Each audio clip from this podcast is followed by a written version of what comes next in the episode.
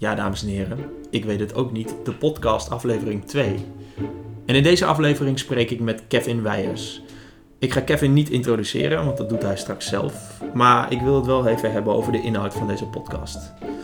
Ehm, we spreken onder andere over het gebruik van e-mail en vooral ook over het niet gebruiken van e-mail. Want wanneer is een e-mail sturen nou het beste communicatiemiddel? Nou, de kleine conclusie daarvan is bijna nooit. En waarom dat zo is, dat kun je straks gaan ondervinden en straks gaan horen. En we spreken onder andere ook nog over de 21 dagen niet klagen challenge. Ik vind challenges best wel kut. Maar in deze challenge zit wel een leuk detail. En dat kun je ook straks gaan luisteren. Laat me vooral even weten wat je vindt van deze podcast en wat je vond van de vorige podcast met Paul Bosma. Door mij op Twitter een berichtje te sturen of me te e-mailen. Maar meestal is dat niet het beste communicatiemiddel. En bel me ook vooral niet. Wil je meer weten over mij? Check mijn website, jamerdeboer.nl. Wil je meer weten over Kevin Weijers? Check zijn website, kevinweijers.nl. En verder heb ik eigenlijk niet zo heel veel uh, te vertellen. Dus veel plezier met luisteren. Joe. Uh, buiten is het 7 graden. Het is 25 april en ik ben in Leiden. Het is uh, iets van half tien s ochtends en ik ben op bezoek bij Kevin Weijers. Um, ja, ik kan Kevin niet zo goed introduceren. Um, dus dat kan hij het beste zelf doen. Kevin, kun jij vertellen wie je bent, wat je doet? En neem gerust een uur de tijd.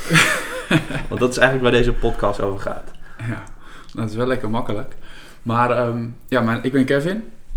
Woon in Leiden op dit moment, uh, sinds een maand. Want ik heb een tijdje um, met een backpack op mijn rug de wereld rondgereisd. Door mijn werk te ruilen voor eten en onderdak. Met bedrijven in het buitenland. Um, ik ben een tijdje in Azië geweest. Een stuk van Europa uh, doorgereisd. En een stukje van Zuid-Afrika.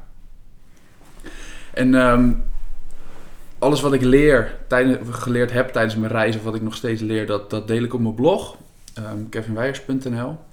Dus daar schrijf ik stukjes over. Um, ik lees vrij veel boeken. En wat ik daaruit leer, dat, um, ja, dat schrijf ik ook over op mijn blog. En daardoor heb ik weer in Nederland bedrijven die dan bij mij komen en zeggen van... Goh, uh, zou je ons kunnen helpen met het uitvoeren van ideeën? complexe dingen simpel maken is een beetje wat ik vaak gebruik. Aannames uitdagen en ja, gewoon eigenlijk met mooie woorden heeft ooit iemand eens een keer gezegd... Kevin helpt om het gat tussen denken en doen te dichten. Nou, mooier kon ik het zelf niet verwoorden. Dus dat heb ik maar op mijn website gezet. Um, en dat is eigenlijk een beetje wat ik doe. Dus ik doe experimentjes en daar schrijf ik over wat ik leer. Oké, okay. maar ben je dan eigenlijk gewoon een soort consultant? Ja, soort van wel. Um, waarin ik denk ik niet zo vaak kom met adviezen, maar meer de dingen doe uh, zelf. Dus mm -hmm. ik ben wat van de, van de NS1 experimentjes. Dus ooit toen ik voor de overheid werkte, kwam ik erachter. Ik, ik vond e-mail echt, um, echt heel, ja, echt intens kut. Zo, ik denk dat veel luisteraars dus dat vinden. Dus. Ja, dus ik heb ooit vijf jaar voor de overheid gewerkt. En um, toen was ik, ik was in het begin was ik 22, 23 en toen kreeg ik onwijs voor e-mail, iets van 150 per dag. Um, en in het begin vond ik dat super interessant. Want dan zit je overal tussen en hoor je overal bij. Dus dat is natuurlijk heel cool. Maar je bent gewoon vier, drie tot vier uur per dag zit je achter je computer. Um, en dat vond ik gewoon helemaal niks. Een beetje mm -hmm. spelletjes pingpong te spelen met collega's. En iedereen klaagde erover. En ik was ook, nou ja, op mijn 23ste dacht ik, ja, dan zit ik hier de hele dag achter de computer. Dit is niet echt wat ik me had voorgesteld van mijn baan. Um, en toen ging ik daar met mensen over praten. En het enige advies wat mensen me gaven was: doe een cursus time management. Ja. Um, ik weet niet of jij dat wel eens hebt gedaan. Nee.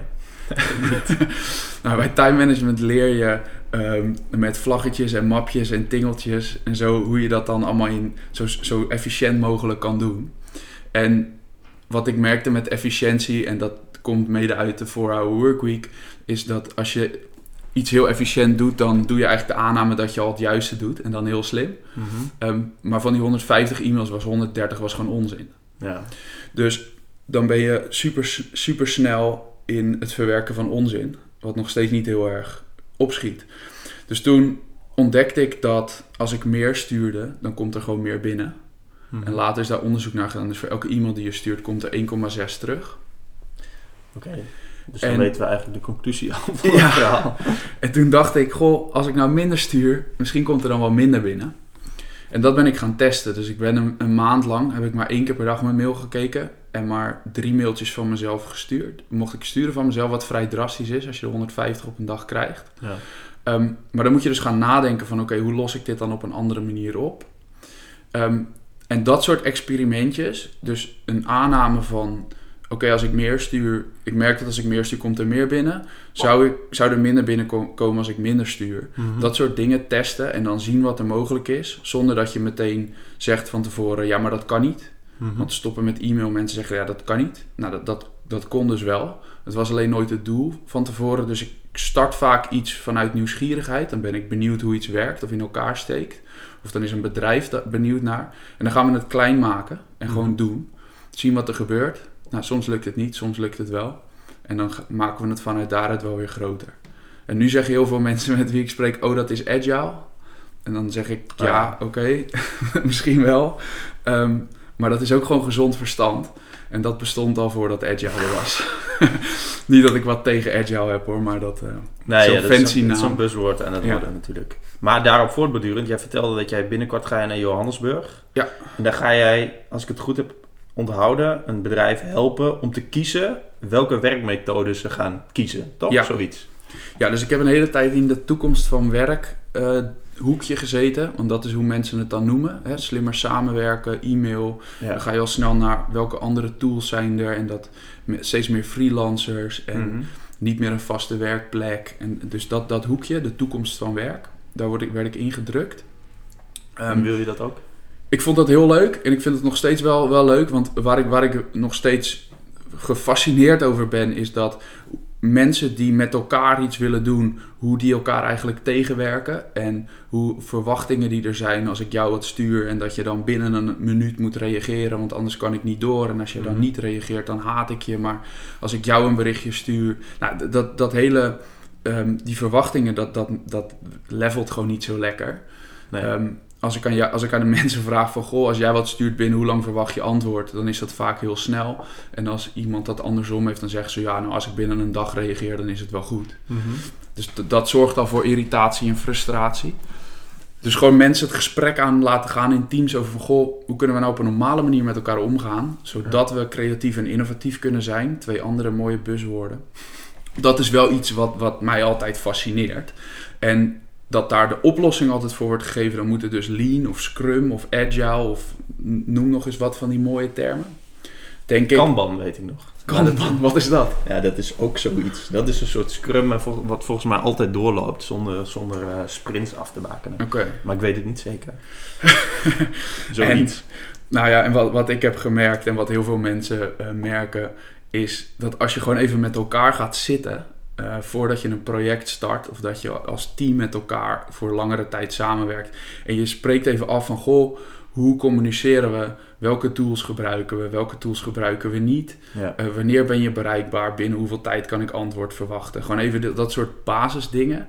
Dan tackle je echt al 80% van de ellende. Ja, maar heb je dat toen ook gedaan toen je die e-mails ging verminderen? Ging je toen met al je collega's of de collega's met wie je contact had, ging je daar naartoe en zeggen, jou, wat, wi- wat willen wij nou eigenlijk van elkaar?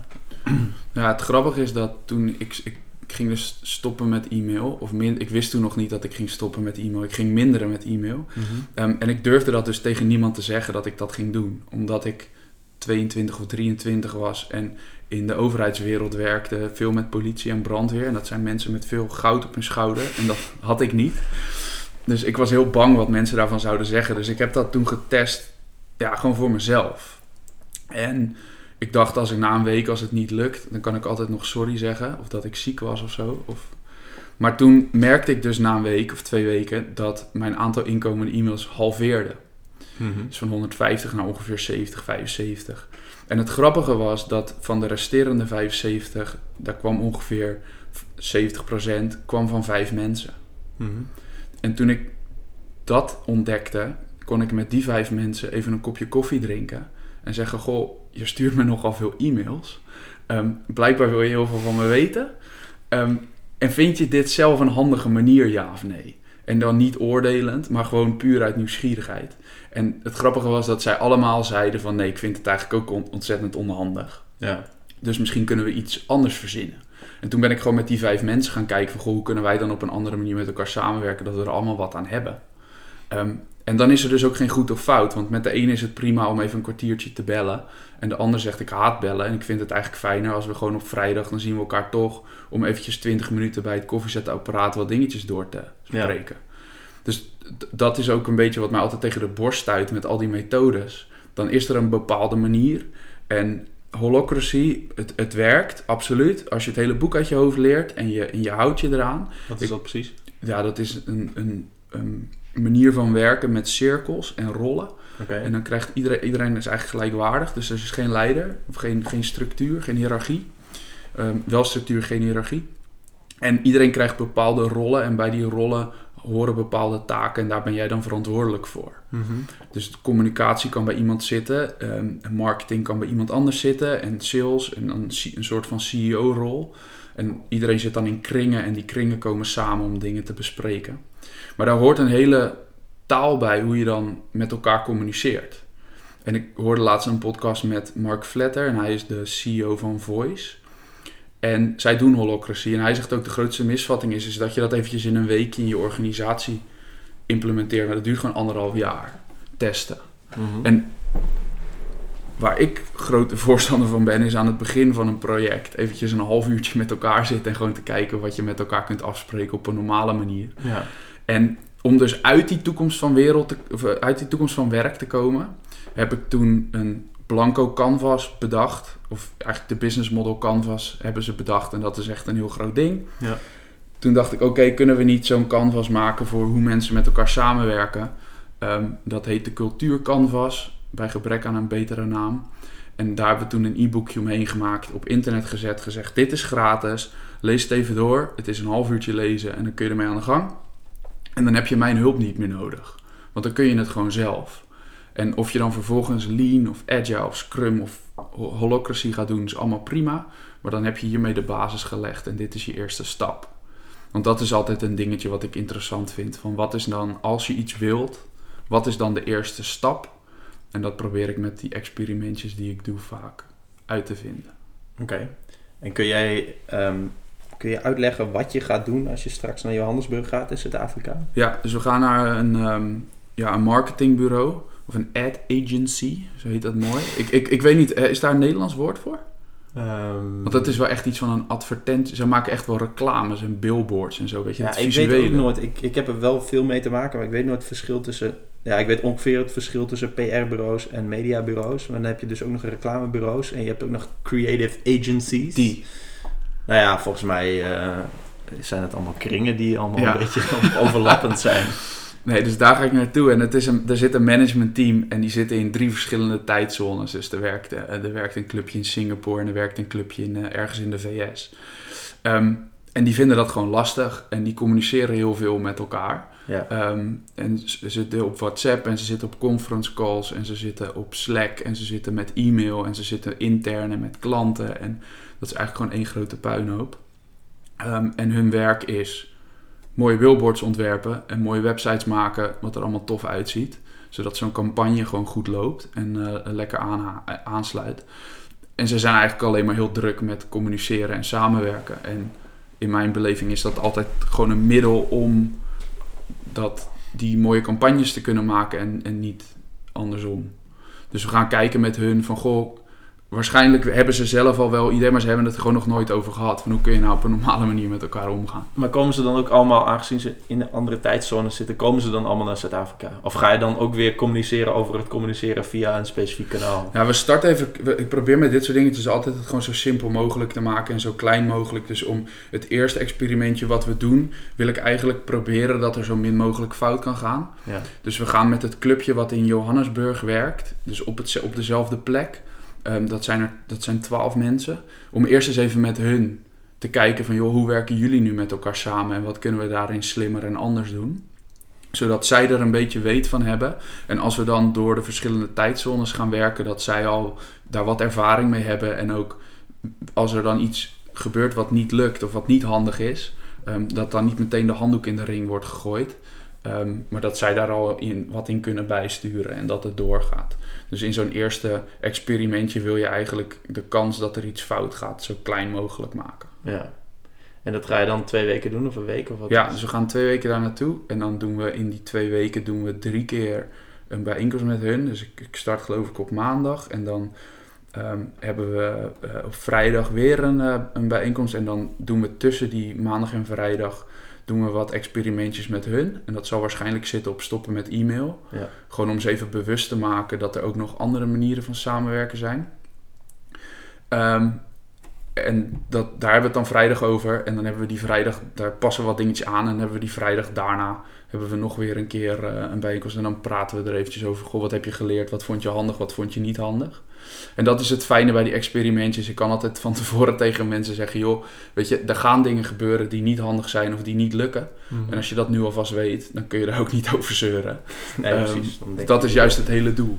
Ja, precies. En doe je dan ook nog, want dan heb je dat twee weken gedaan, en doe je dan ook iets van nazorg of zo? Of heb je zoiets van, oké, we hebben nu snel, nou ja, niet snel, we hebben dit in het kort gedaan, in het klein. Ja, we moeten nog even kijken hoe we dat gaan doen. Want dit is, de, dit is de, nu het derde bedrijf met wie we die, die cultuurcanvas, die culture canvas gaan doen. Omdat het dus oorspronkelijk was bedoeld als iets van het is gratis en ga er maar mee aan de gang. Het was gewoon een idee wat je de wereld in wilde helpen. Ja, zodat ik mezelf overbodig kon maken. Ja, Ehm, maar blijkbaar werkt dat tegenovergesteld. Want ik krijg dus nu uitnodigingen om daar dus wat over te komen vertellen. ja, Wat ook wel weer grappig is. Ehm, maar over dat hele nazorg, daar moeten we nog eventjes over denken. Ehm, bij een bedrijf waar we laatst aan de gang waren geweest, die zeiden van, goh, leuk dat wij dit nu doen. Het scheelt ons twee uur per dag. Dat Mhm. is super relaxed. En ik hoef s'avonds niet meer met mijn laptop op schoot te zitten en ik heb geen ruzie meer met mijn vrouw thuis. Nou, heel fijn. Ehm, het zou heel fijn zijn als andere teams binnen ons bedrijf hier ook mee aan de gang zouden gaan. ja. Dus die hebben nu een afdeling genomineerd.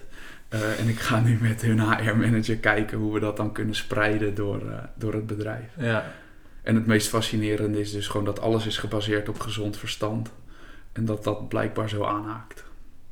Ja, het is fijn hè, dat mensen er eigenlijk naar op zoek zijn. Maar Ja. ik, kan, ik kan me ook wel voorstellen dat je niet...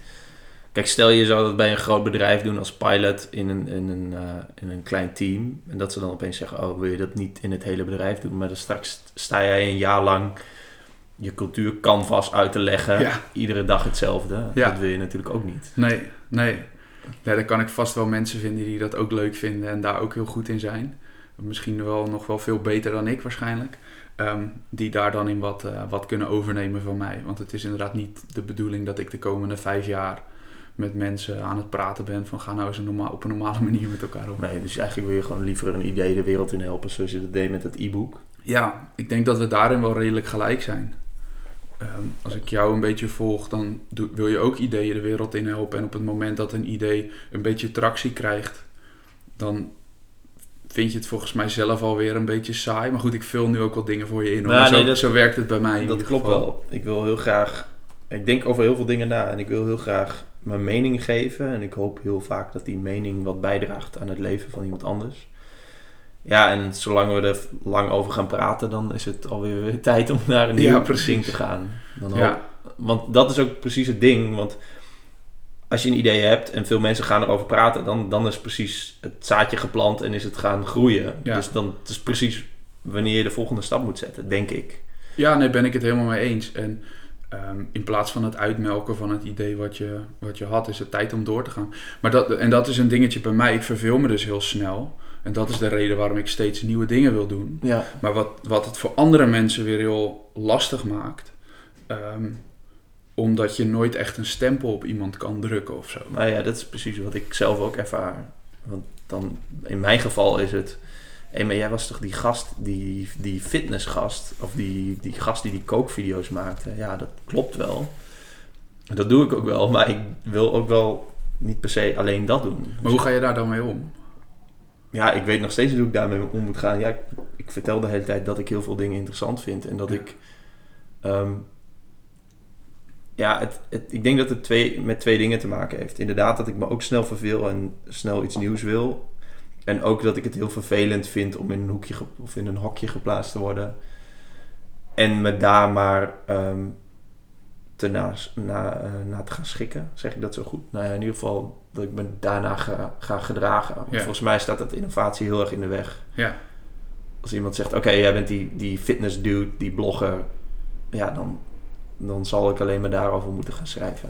En dan ga je dus in cirkeltjes lopen. Maar dat gaat dus in tegen alle, alle boeken en artikelen die zeggen dat je moet focussen.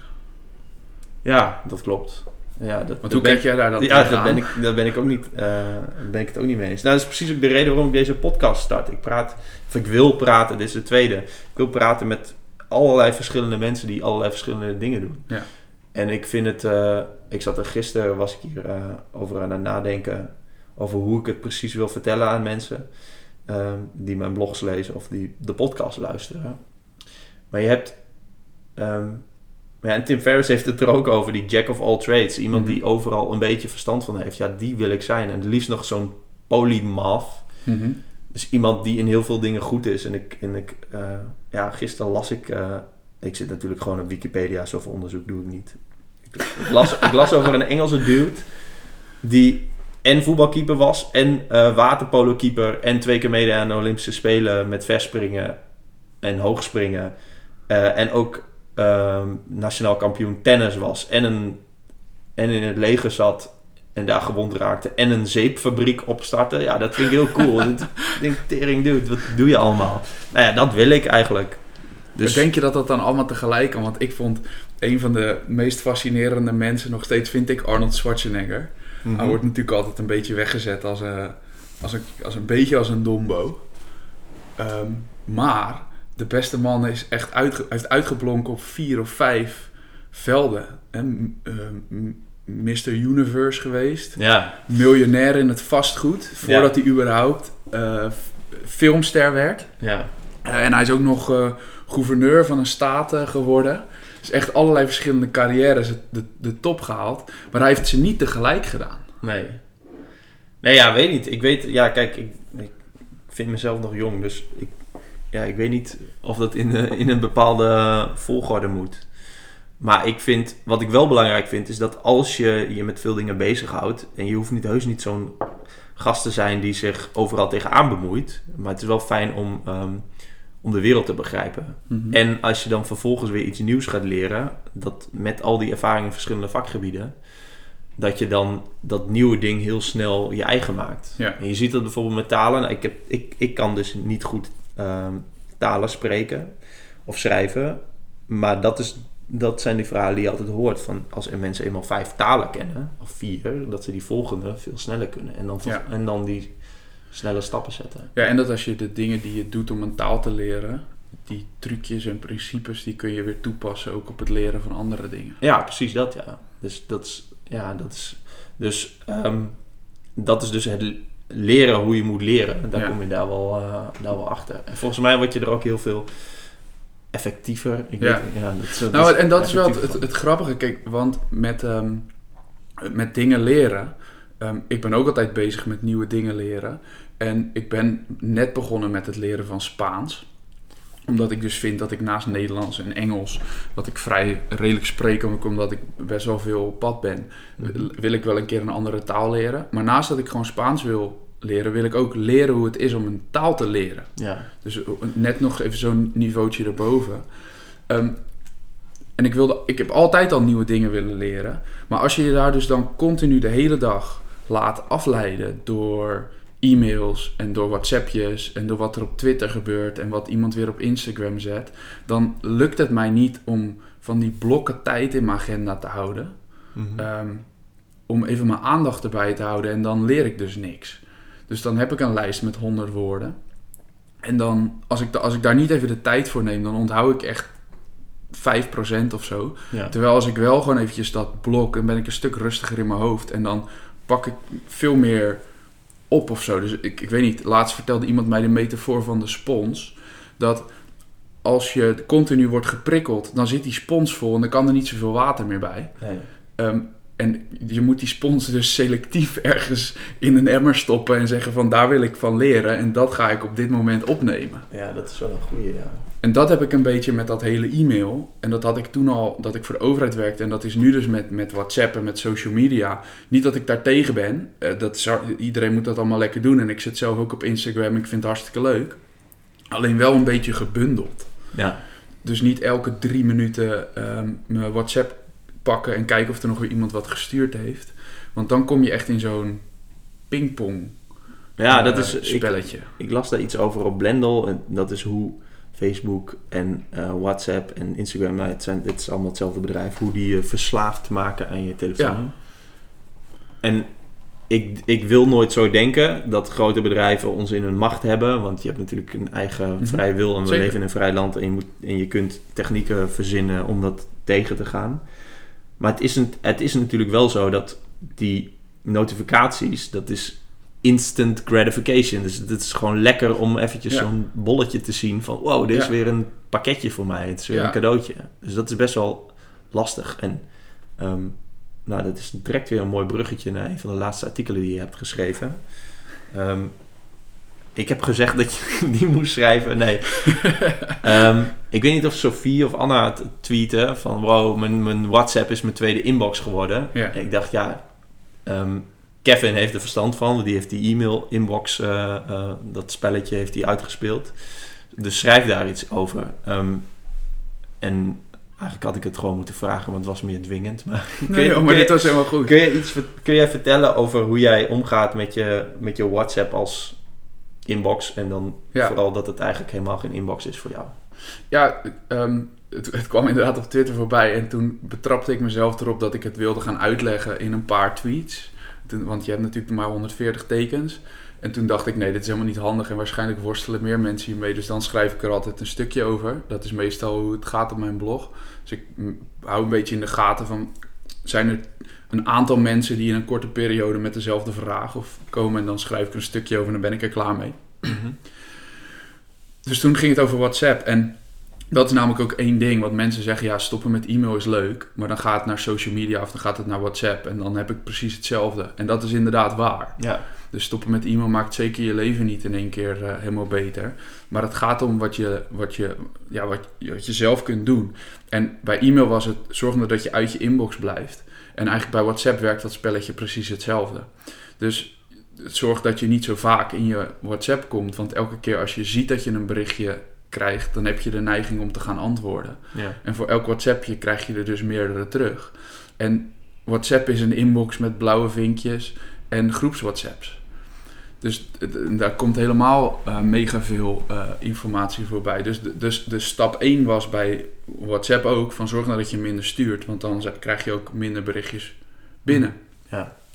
Ehm, dus dan zet je meldingen uit. En dat is in het begin natuurlijk doodeng. Want dan ben je bang dat je van alles en nog wat mist. Ehm, maar als je dus met een paar mensen even afspreekt van... Goh, gebruik dan sms op het moment dat het spoed is. Dan tackle je dat ook weer meteen. Ja, want de, ik zat daarover na te denken en toen ging ik. Sorry dat ik je onderbreek, maar ik vind het heel belangrijk. Want volgens mij, de mensen die nu luisteren, ga eens na wanneer je voor het laatst een, bericht kreeg wat echt spoed was. Dat er echt iets aan de hand was en dat je, dat je direct, direct moest handelen. Volgens Ja. mij, ja, dat gebeurt echt nauwelijks. Dus, en terwijl, en waarom zeg ik dat? Is omdat mensen heel vaak al die chat-apps gebruiken als zodanig. Die Ja. denken van, oké, ik moet nu checken wat er is. Of ik Ja. en zelfs als ik, dat doe ik zelf ook. Als ik die notificaties uitzet, ga ik nog die chats openen. Want ik denk Ja. van, oké, misschien is er wel iets belangrijks. Maar het is dus nooit iets belangrijks. Nee, en dat, Of dat, ik heb gewoon een heel saai leven. Maar volgens mij geldt dat voor heel veel mensen. nee, en dat kost even een paar dagen. ehm, voordat je dat op een gegeven moment weer los kunt laten. Dus in het begin denk je dus dat je van alles en nog wat mist. En is het dus ook heel gek van... hé, hey, niemand heeft me een berichtje gestuurd. Maar na een paar dagen, er, is inderdaad niet zo ontzettend veel belangrijks. En als je heel graag wil whatsappen met iedereen... dan moet je dat lekker blijven doen. Dus, maar het, ga- het gaat erom van als je het irritant vindt... dat je de hele tijd wordt afgeleid... dan, dan kun je er wat mee. En dan is er dus niet een appje... waardoor je beter met je whatsapp om kan gaan. Dat zit gewoon tussen je oren. En het urgent maken van dingen... puur omdat de mogelijkheid er is om een berichtje te sturen... ehm, ja, dat is wel, dat is wel echt een ding. Van je, je kunt een appje sturen. En wat, wat ik altijd een beetje vervelend vind, heel diplomatiek gezegd, is dat bij al die berichten dingen, en ook bij WhatsApp, ligt de kracht ligt bij degene die een berichtje stuurt. In plaats van bij degene die het berichtje ontvangt. Mhm. Dus iedereen kan jou zomaar berichtjes sturen. En ook nog eens zeggen van, eh, goh, ik eh, wil graag voor eh, vijf uur vandaag wil ik antwoord. Ja. Terwijl jij misschien op dat moment wel met ontzettend veel belangrijke dingen bezig bent. Eh, en denkt, ja hallo, wacht eens eventjes. Maar dan toch uit een soort van beleefdheid daar dat- dan, dan maar op gaat reageren. Ja, maar dat is wel gek hoe dat werkt. Hè? Want dat, ik, ik ervaar dat ook bij e-mail. Kun je hier vandaag nog op reageren? Dat gaat er dus al vanuit dat ik überhaupt die e-mail check Ja. direct, diezelfde dag. Ja. En eigenlijk dat ik een mogol ben als ik het niet doe. Ja, Dat is best wel, dat is precies wat je zegt. Dat die, dat die kracht ligt bij degene die het verstuurt. Die kan gewoon zeggen, yo, wil je hier vandaag op reageren? Ja. En dan de ontvanger ehm, is eigenlijk een slecht persoon ja. als hij dat niet doet. En Ja. dat- die, die machtsverhouding ligt heel, heel Ja, en om het naar een, naar een iets even wat concreter te brengen. Kijk, ehm, iedereen moet lekker op zijn telefoon zitten wat hij wil. Ik zag laatst een foto van iedereen die op het station dan op zijn telefoon zit. Maar dan is er een foto uit 1930 of zo en dan zit iedereen in de krant te lezen. Ja. En nou sturen kranten natuurlijk geen notificaties, dus dat is misschien net iets anders. Ehm, maar iedereen zoekt toch op een bepaalde manier altijd afleiding, dus dat moet je lekker doen. Maar waar, wat een beetje de, eh, de crux is, en waarin ik altijd merk van of ik er wat aan heb of niet, is hoe je, een beetje hoe je de dag start. En het gaat een, tussen eh, of je reactief begint of dat je proactief begint. Ehm, en dat is voor mij altijd hetgene wat het belangrijkste is. En als ik ochtends, als ik wakker word, meteen mijn telefoon pak en mijn inbox inga. Of ik ga, en ik heb trouwens geen inbox meer, maar eh, of mijn WhatsApp inbox inga of op Twitter ga zitten kijken. Dan ga je dus meteen aan de gang met berichtjes van anderen. Ja. En dan zet je eigenlijk wat je zelf belangrijk vindt of waar je zelf mee aan de slag wilde gaan, dat zet je eigenlijk op een tweede plek. Wat ik denk ik heel, wat, ja, heel, heel dom is, omdat meestal als je ergens wordt aangenomen bij een, bij een organisatie, dan nemen ze jou aan om jou en dat je goed bent. Ja. Dus dat doet de aanname dat je zelf ook wel kunt bepalen wat belangrijk is. En als je dus 's ochtends even dat eerste twee uur niet direct die inbox induikt en aan de gang gaat met de ellende van anderen, maar even zelf nadenkt over, goh, wat vind ik nou eigenlijk belangrijk en daarmee aan de slag gaat. Dus dat je meer gaat kijken, goh, welke waarde kan ik toevoegen? Dan denk ik dat dat heel nuttig is. En als je dan in zo'n patroontje komt van proactief nadenken wat je zelf belangrijk vindt en daarmee aan de gang gaan, dan zul je merken dat je en zelf veel meer voldoening eruit haalt. Mhm. Want niemand vindt het chill om aan het einde van de dag te, te realiseren: Goh, wow, ik ben echt mega druk geweest. Maar ik heb eigenlijk alleen maar de bende van anderen opgeruimd. En ik ben niet toegekomen aan wat ik zelf wilde doen. Mhm. Ehm, dus als je die dag wat, wat meer proactief start en zegt van oké, voor tienen eh, kijk ik geen e-mail of kijk ik geen WhatsApp. Dan heb je in één keer een blok tijd, afhankelijk van natuurlijk hoe laat je je nest uitkomt. Maar heb je een blok tijd waarin je aan de gang kunt met iets wat je zelf Mhm. tof vindt of waarde toevoegt. En ik denk dat dat om te beginnen al heel nuttig is. En dat hele stoppen met e-mail, dat hebben we ook een tijdje met bedrijven gedaan. En dan gingen we op e-mail-dieet. En dat was super grappig. Dus dan mochten mensen een week lang eh, maar één keer per dag hun mail kijken en maar drie mailtjes sturen. En dan kiezen mensen er dus voor van, eh, stel je mag maar één keer je eh, e-mail kijken, hoe, of, hoe laat zou je dat dan doen? Op welk moment van de dag? Ehm, ja, dat weet ik niet eigenlijk. Als je het één keer mag checken. Ja. Ja, dan zou het denk ik niet zo heel veel uitmaken. Maar misschien nu, omdat ik er niet zo heel erg heb nagedacht over de, de minuut die je net aan het praten was. Over jezelf belangrijk maken s ochtends. Dan zou ik het alsnog s ochtends doen. Omdat ik dan weet wat ik, Ja, wat ik die dag ehm, eventueel zou moeten doen. Maar dat is precies dus waar we, waar we eigenlijk van af willen. Is dat je je leven laat bepalen door wat er in je inbox staat. Of Ja. diezelfde dag nog. Want Ja. eigenlijk is dat allemaal niet belangrijk. Nee. Het is, en en het meeste waar mensen dan voor kiezen, is zeggen ze: Oké, dan begin ik niet 's ochtends, want dan wil ik proactief starten. Als ik het aan het einde van de dag doe, dan ben ik misschien een beetje te laat. Dus dan, Ja. als er dan wat belangrijks is, dan zie ik dat pas aan het einde van de dag. Wat op zich, weet je, als het echt belangrijk is, dan krijg je het ook wel op een andere manier mee. Ja, dat Maar goed, dat, dat maakt niet uit. Dus mensen kiezen dan een beetje zo voor 11 uur. Ja. Want dat is veilig.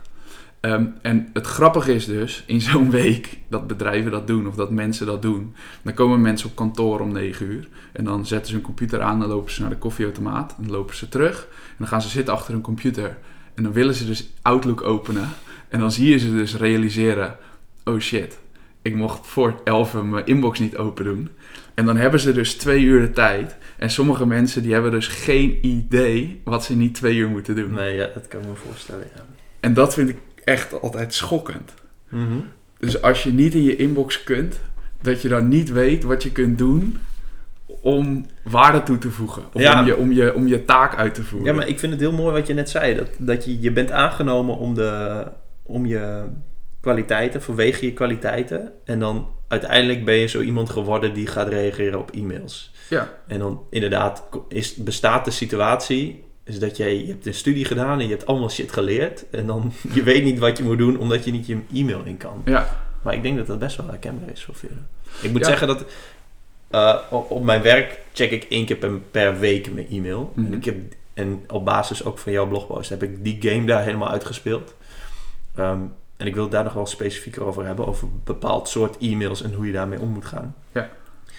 Ehm, dus ja, dus ik, ja, ik kom op mijn werk en ik ga dingen doen die ik moet doen. Dus Ja. dat, dat gaat wel aardig. Alleen heb ik het privé en, en dingen die met mijn blog te maken hebben, ehm, ja, heb ik het helemaal niet eigenlijk. Maar ik, dat, dat is dus mijn grote probleem. Is dat ik, want dat zijn mensen die ik niet tegen het lijf loop. Mhm. Ehm, of mensen met wie ik een samenwerking ga of aanga. Of ja, mensen die ik inderdaad nooit spreek. Dus dan, dat vind ik dan lastiger. ja. Dus dat, wat ik eigenlijk nog zou willen weten is... eh, jij werkte bij de gemeente. Wat voor werk jij precies deed? En, en kun je voorbeelden geven van e-mails die je kreeg... die je hebt ja. geëlimineerd? Ja, ik werkte bij de veiligheidsregio. Ehm, dus ik gaf veiligheidsadviezen voor 25 gemeentes. Dus ik werkte met ambtenaren samen bij 25 gemeentes. Ehm, en ook nog eens met politie en brandweermensen. Ik werkte zelf een beetje voor de ambulancedienst, eh, simpel gezegd. En had ik dus ook in politie en brandweer weer opgedeeld in allerlei regio's. Dus daar waren ook nog weer superveel verschillende mensen die dan eh, eh, daarmee werkten. Dus ik, ik communiceerde aardig wat af. Mhm. Dat, was een beetje, dat was een beetje het idee. Maar dat was ook, dat was ook jouw rol. Dat stond waarschijnlijk dan ook in je functieomschrijving. Ja, de, het doel van mijn rol was, ik was evenementenadviseur, dus het doel van mijn, evenement, van mijn rol was om ervoor te zorgen dat evenementen zo veilig mogelijk zouden verlopen. Dus dat we dat preventief, dat we dingen zouden doen om ervoor te zorgen dat het zo veilig mogelijk zou starten. Dat er tijdens voldoende dingen zijn voor kleine, als, als iemand eh, moet worden opgepikt met een ambulance, dat dan die route goed is. Ehm, en als er echt hele grote dingen zijn of er gebeurt een ramp, dat dan ook bij het ziekenhuis eh, op de hoogte was van goh, er komen dan heel veel mensen aan, is er, is er voldoende plek? Mhm. Een beetje dat rampen en calamiteiten gebeuren. Dus het doel van mijn rol was om ervoor te zorgen dat die evenementen zo veilig waren. Het doel van mijn rol was niet om op elk berichtje te antwoorden. Nee. En dat verandert het perspectief, hoe je, naar, hoe je daarnaar kijkt. Ja. En daarover ging ik met mensen het gesprek aan. Van, goh, volgens mij is het de bedoeling dat wij zorgen dat die evenementen zo veilig mogelijk verlopen. Hoe gaan we dat op een slimme manier doen? En hoe gaan we dan met elkaar samenwerken Ja. om dat voor elkaar te krijgen? En dan kan er in één keer heel veel. Dus dan kun je een groepje maken op internet, in Basecamp of op Trello of eh, noem een aantal van die samenwerking tools. Ehm, om op één plek informatie met elkaar te delen. ehm, documenten met elkaar te delen, zodat je geen versiebeheer hebt. Hè, dat heb je in e-mail, dan stuurt iemand jou versie 3.6.12. en Ja, dan- ik, dat, ik, ja, maar dan, als ik dat soort dingen krijg, dan, dan denk ik altijd: oké, e-mail is altijd de manier van communiceren die mensen kiezen omdat ze niet een betere versie kennen Ja. of dat die er niet is. Ja. Volgens mij is e-mail altijd een slechtere manier van communiceren. Ja, e-mail is ook helemaal nooit bedoeld voor dat.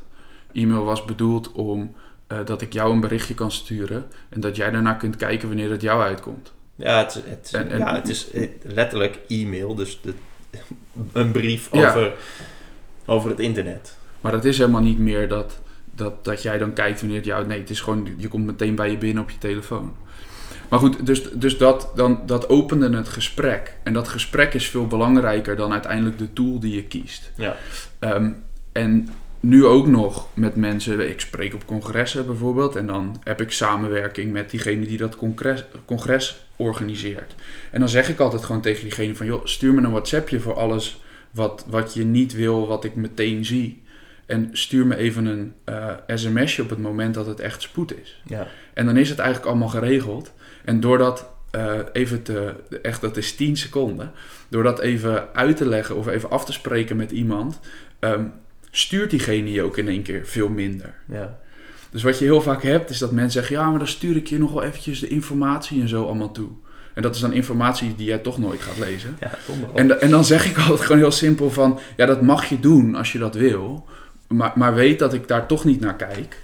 Want ik heb voldoende aan waar we het nu over gehad hebben. ja. En laten we gewoon doorgaan. En laten we elkaar vooral niet bezighouden met dingen die er niet echt toe doen. Nee, maar daar mensen, rust een soort van taboe op. zijn mensen dan bang of onzeker om het niet goed te doen? Of hoe werkt dat? Het is een soort zoeken naar veiligheid. Een soort van schijn, schijnveiligheid van... Ja, maar ik heb jou dat toch toegestuurd. Ja, Dus dan ligt het niet aan mij. ja dat zo. is dat aapje wat je bij mensen op hun schouder zet. Dat je, Ja. Nu is het jouw probleem. En nou is het jouw probleem. En als je dat maar lang genoeg met elkaar doet... ja. Ja, dan wordt het vanzelf niet zo leuk.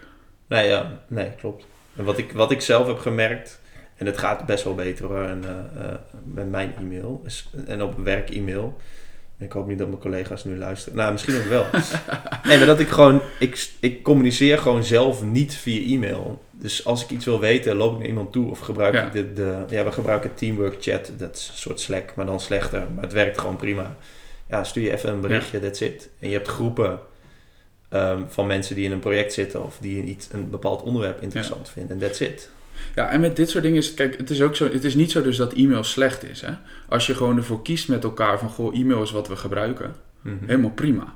En dat je dan even afspraken maakt van, Ja, maar doe het, Kijk dan doe het dan 10 en wel 6. goed. Ja. Wat, jij, wat jij zegt, als jij eh, een versie van een Excel-file rond gaat sturen naar meerdere mensen, ja, je kunt erop wachten dat dat, Ja. dat, niet, dat, dat gewoon in de soep gaat Ja. lopen. Dus dat, moet, je- dat kun je gewoon niet doen. En met zo'n projectgroepje, wat we dan deden, was gewoon van, goh, oké, we willen met elkaar eh, wat informatie delen en we willen documenten delen. Nou, dan kiezen we bijvoorbeeld Trello. Wie kent Trello? Nou, er zijn altijd mensen die Trello niet kennen. En dan laat ik er gewoon even in 10 minuten op een scherm zien hoe Trello werkt. Ja. En dan spreken we met elkaar af, oké, kijk elke twee of drie dagen eventjes in Trello.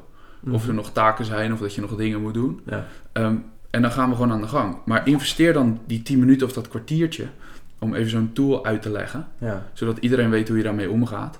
Ehm, en dat kwartiertje wat je aan de voorkant investeert, dat, echt, dat scheelt zoveel tijd in de loop van je project. En dan heb ik nog niet eens over stress en frustratie. En, Nee, ja, dat is ook dat is, dat is, ehm, dat is wat ik zelf ook ervaar. En dat wil ik andere mensen ook graag duidelijk maken. Dat als een repeterende taak, bijvoorbeeld een e-mail die je altijd krijgt, of een soort e-mail die je altijd krijgt, als, dat je, als je dat vervelend vindt, of dat, dan moet je daar of afspraken over maken dat dat Ja. niet meer gebeurt. Of je moet het automatiseren. Ja. Want ik heb, en dat vind ik niet heel vervelend, ik doe samenwerkingen voor mijn blog met merken. En dat wordt door een andere partij geregeld. En die, wij gebruiken daar een berichtensysteem voor dat anders is dan e-mail. Dat heet Brand Voice. En daarin communiceren we over die campagnes. Nou, dat is die tool die we gebruiken. Dat kan ook niet anders.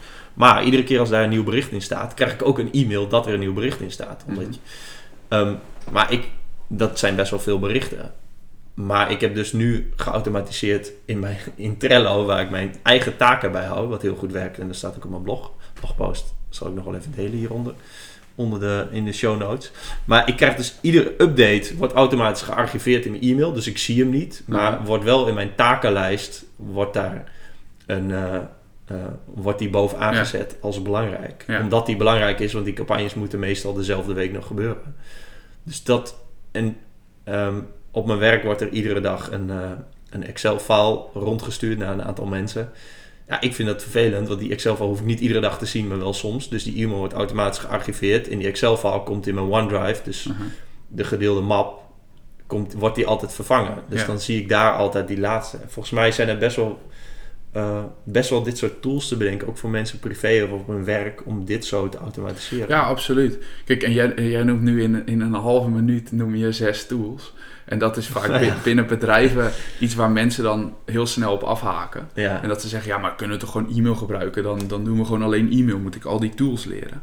En dat is een beetje de reden waarom we dat, die cultuurcanvas bedacht hebben. Is omdat dat nog wat meer los van de tools is. Ja. Ehm, en die tools die faciliteren dan wat je met elkaar afspreekt. Dus dat is een beetje de basis van laten we wat afspraken maken. Want welke tool je ook kiest, als je niet met elkaar afspreekt hoe vaak kijk je erin en wanneer ben je bereikbaar en binnen hoeveel tijd verwacht ik antwoord. Nee, ja, ik zeg het. Ik Dan zeg, werkt geen, werkt geen één tool. Nee. En dan ga je vanzelf doen wat jij doet.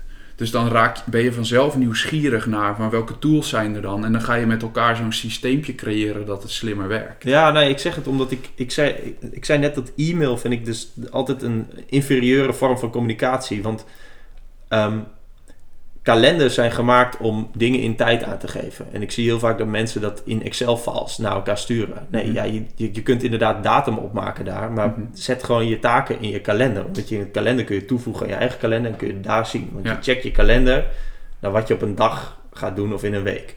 Ehm, OneDrive of, of Dropbox of eh, Google Drive of iCloud is er om documenten ehm, te bewaren voor jezelf en misschien te delen.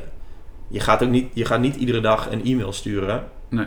met een document wat steeds wordt geüpdate. Nee, je gaat een, een document delen in een, nog- gede- in een gedeelde map. Je gaat niet je taken bijhouden in je e-mail. Nee, je gaat taken bijhouden in een systeem wat er is voor om taken bij te Nou, houden. daar Dat ga je dus van- nog over verbazen Wat? hoeveel mensen dat wel doen. Nee, dat is, dat is dus de manier waarop ik mijn e-mail ja. ja, zo, zo leeg mogelijk wil Ja. hebben. Want ik check voor iedere e-mail, denk van oké, maar is dit wel de beste manier? Is, is, dit, is dit een e-mail waard? Nou ja, Ja. meestal niet. Nee, nee, nee, het helder verhaal.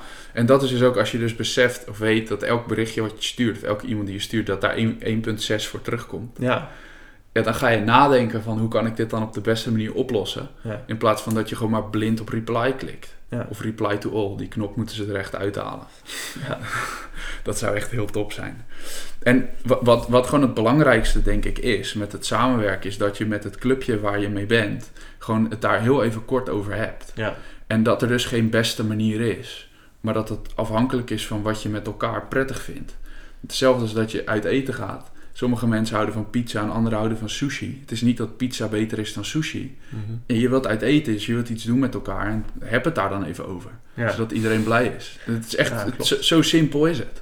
Ja, maar stuur dan vooral ook een agenda-item in de, in de groeps WhatsApp die iedereen kan downloaden, zodat iedereen hem in zijn agenda heeft staan. Ja. Zodat je niet nog een keer een berichtje krijgt van, yo, waar hadden we ook weer afgesproken, hoe laat? Ja. Snap je? Dat is, en, en ja, dat gaan we natuurlijk nooit bereiken, dat iedereen de tools gebruikt waarvoor ze gemaakt zijn. En dat, er staat ook innovatie in de weg als je dat helemaal gaat afkaderen. Uh-huh. Maar het is wel een fijne manier om er zo over na te denken. Vind ik. En jij vroeg nog naar specifieke voorbeelden van e-mails. Nou ja, ik, ik kan me voorstellen dat iemand nu luistert en denkt... ja, maar het- dat zal wel allemaal met die Kevin of met die Jelmer. Ehm, op mijn werk gaat dat niet zo, want ik moet nou eenmaal dit doen. Dus kun Ja. jij een voorbeeld geven van e-mails die je heel veel kreeg? Ja. En ik, ik zei net al dat het updates zijn van een, eigenlijk een ander programma. Dus dan is het een beetje dubbelop. Dan Ja. krijg je een notificatie van een notificatie eigenlijk. Ja.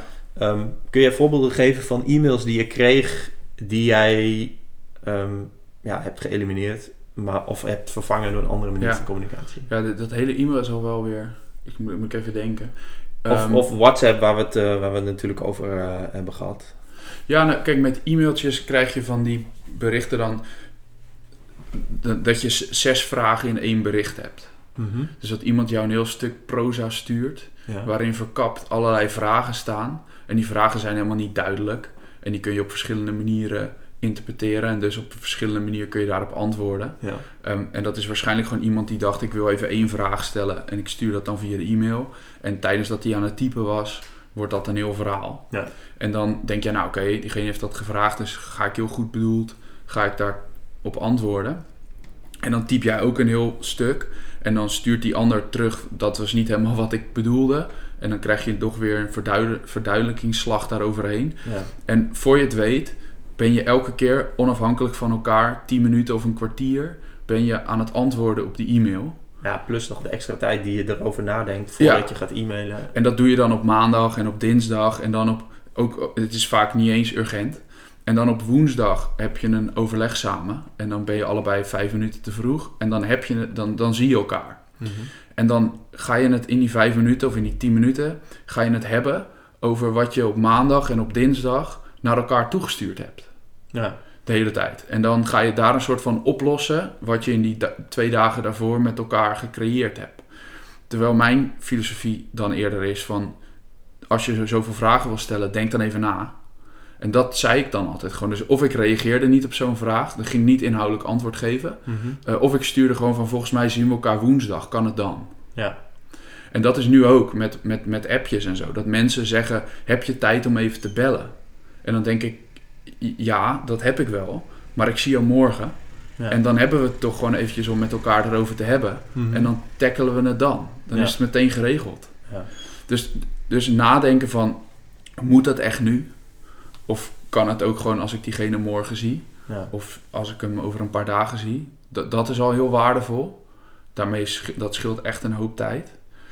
Ehm, ja, en gewoon kijken naar mensen die je echt onwijs veel berichtjes sturen. Dat is een beetje dat 80-20 principe. Ja. Dus dat 20% zorgt voor 80% van het resultaat. Nou ja, 20% van de mensen zorgen voor 80% van de berichtjes die je krijgt. Mhm. En met hun kun je gewoon even afspraken maken en kijken van... Goh, vind ik dit nou handig, ja of nee? Mhm. En vindt die ander het ook handig? En vaak als je het daarmee over, met die ander over hebt... vinden ze dat niet zo handig. En weet je, de hele de filosofie erachter gaat meer om... ik wil ideeën de wereld inbrengen en ik wil problemen oplossen. Mhm. En we hebben het al een keertje gehad over het boek van Mark Manson... Mhm. Ehm, over kies de problemen die je wil oplossen. En ik heb ervoor gekozen voor mezelf om dit probleem op te lossen en mijn lessen te delen, omdat ik namelijk tijd en ruimte wil houden in mijn agenda om aan de gang te gaan met de problemen die ik echt belangrijk vind. Ja. En daarvoor kan ik dus niet elke uur twintig keer gestoord worden, want dan lukt het niet om aan de gang te gaan met wat je echt belangrijk vindt. Nee, maar het is toch chill dat je, dat je... Want dit was ook een van de problemen die je wilde oplossen. Ja. Nou, en dat lukt dan. Dus dan is het ook heel fijn om te zien Ja. dat die mailbox leeg blijkt, lijkt. Ja. Of dat je hem überhaupt niet meer gebruikt. Ja. Ja. Dat is, dat is chill, toch? Dus dat is een beetje de. Dat is een beetje het e-mailverhaal. Ja. Wat, En, vind je, eh, wat vind je van bellen trouwens? Ik, ik weet Bellen? niet of, je iets, net iets anders wilde vertellen. Ja, met vrienden bellen. Als ik in de auto zit bijvoorbeeld. ehm, vind, ik, vind ik heel leuk. ja, vind ik, vind ik heel fijn. Ehm, want dan is het gewoon random chat. Maar echt bellen voor werk. Dat mensen mij bellen zonder dat ik dat van tevoren weet. Dat vind ik echt heel irritant. Ja, ik, denk, de- ik, ik vind dat ook. En, eh, en ik zie dus steeds meer om me heen dat mensen dat ook gaan ervaren. Ehm, ik zeg nu ook tegen mensen dat ik gewoon niet bel. Ik, dat doe ik niet aan. En ik, ja, ik denk dat ik ja, binnen dit jaar misschien nog wel mijn telefoonabonnement zou kunnen afsluiten. Ehm, afsluiten als in stopzetten. Ja. niet beginnen. Hey, wat trouwens grappig dat een telefoonabonnement afsluiten betekent beginnen met een telefoonabonnement. Maar dat terzijde. Ehm ik denk dat het. Maar ik vroeg me dus af, want ik heb hierover nagedacht. Ik vind het dus vervelend dat mensen inbreken op een moment die zij zelf kiezen. Dus zij, zij, opeens zijn ze heel urgent, want ze willen nu iets van je weten. Terwijl Ja. het- ja, dus je zou dus ook kunnen e-mailen of een eh, ander soort bericht kunnen sturen.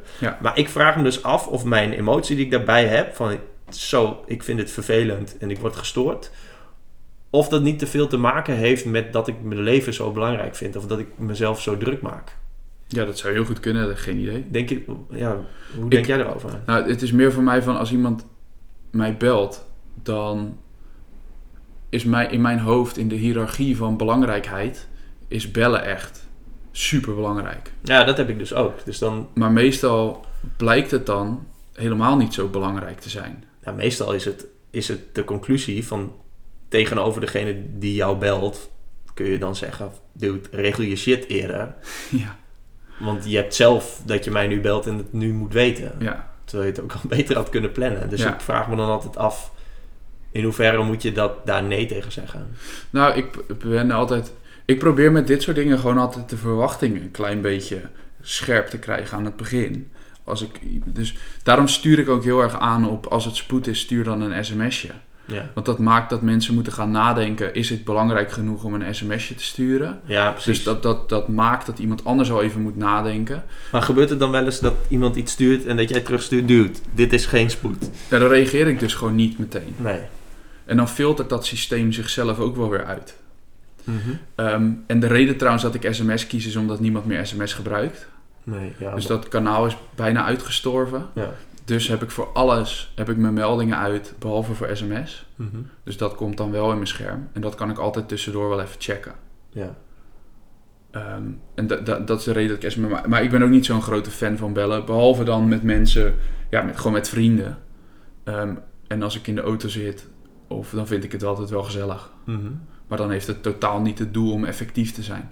Dan heeft het het doel om plezier. Ja, dan gaat het om Ja, maar plezier. dan nog bel jij iemand die waarschijnlijk misschien... Nee, niet waarschijnlijk misschien. Die waarschijnlijk iets anders aan het doen is. Nee, maar dat checken dan wel even van tevoren. Over bellen gesproken. Hier, er is iemand, een collega die nu belt. Ja, dan Ja, druk ik hem eigenlijk altijd op stil. dit is niet in scène. nee, het is niet in scène gezet. Nee, maar dan... Ik, kijk, ik weet bijvoorbeeld, een van mijn maatjes die werkt... ehm, die zit ook altijd tussen, tussen 8 en 9 zit hij in de auto. Dus dan... Ja. Dat is echt zo'n moment als ik dan niet een podcast aan het luisteren ben... Wat ik eigenlijk ook altijd wat chill vind. Om dan even bij te praten. Ja. Ehm, maar dan gaat het dus om plezier. En dat is ook nog wel een, be- een onderscheid wat ik maak. Dus het is niet zo dat ik dat alles zo effectief mogelijk moet. Als ik het leuk vind, dan hoeft het niet effectief te zijn. Dan kan het best wel. Dan kan Nee, ik ja, nee, ik denk dat het heel erg te maken heeft met wa- wat jij net zei. Dat, dat ding van Mark Manson uit zijn boek eh, The Subtle Art of Not Giving a Fuck. Heet het precies zo? Ja, moet iedereen lezen trouwens. Ik Ligt, denk dat, ligt echt bij iedere ACO nu op, volgens mij op nummer 1 bij de ja, Engels. Hij is, hij is ook in Nederlands. Echt? De subtiele kunst van not giving a fuck. Volgens mij is het nog half vertaald of zo. Maar Nee, lees hem vooral in het Engels. Engels. Ja, precies. Maar inderdaad, het oplossen van problemen die je leuk vindt om op te lossen, omdat je daar ehm, plezier van krijgt, omdat je dat plezierig vindt. Ja, Dus, maar dan hoeft je hele leven hoeft niet te bestaan uit problemen oplossen. nee. Je leven moet leuk zijn. En als je dus problemen hebt, moet je het leuk vinden om die op te lossen. Ja, of en een leuke manier vinden om ze Ja, op te ja, en lossen. problemen oplossen kan dus ook gewoon leuk zijn. Als Ja, je, het is gewoon puzzelen. Ja, het is als je niks kiest- anders dan puzzelen. als je de juiste problemen kiest. Ja, Maar veel te veel mensen zijn bezig met het oplossen van problemen die, die ze eigenlijk niet interesseert. ja en dus- vooral problemen van anderen oplossen. En, ja, en dus moet er ook vaak een hoop geld tegenover staan, tegenover staan om überhaupt met dat probleem aan de gang te gaan. Ja, true. Klopt. Ehm, terwijl ik juist meer bezig ben met het kiezen van oké, wat vind ik leuk om op te lossen op dit moment. En dan is geld dus ook gewoon wat meer een bijzaak. En dat is het grappige voor alle freelancers en ZZP'ers die naar je, ik weet niet hoeveel je er in je publiek hebt. Ehm, maar als je wat minder gefocust bent op het verdienen van geld met je opdrachten. En gewoon op, je tijd en aandacht stopt in het oplossen van relevante dingen. Dan volgt dat geld en zo ook allemaal wel vanzelf. Ja, dat geloof, dat geloof ik ook wel. Maar goed, dat is weer een compleet, compleet ander eh, gesprek. Maar we hadden het laatst over problemen oplossen.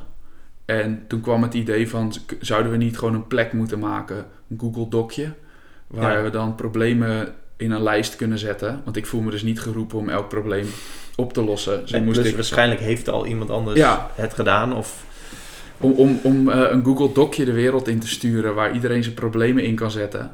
En dan bedoel ik niet dat je kat net is overleden of zo. Dat is ook heel vervelend. Maar dan heeft het Ja. niet zoveel zin om dat daarin te zetten. Maar ik had bijvoorbeeld, ik ben net verhuisd naar Leiden. En dan moest ik bij de Kamer van Koophandel mijn adreswijziging doen. En dan staat er op de website: simpel, snel en eenvoudig. Print het formulier uit, vul het in en stuur het op. ja, En dat matcht totaal niet in mijn hoofd. nee. Simpel, snel en eenvoudig met uitprinten en opsturen. Ik dacht, oh, dan moet ik nog postzegels gaan kopen ook. En dan denk ik van, er zal vast iemand zijn die daar wat slims voor weet. Ja. Er zal vast iemand zijn die het leuk vindt om dat op te lossen. En als diegene dat doet, dan denk ik dat diegene daar heel veel mensen blij mee maakt. ja.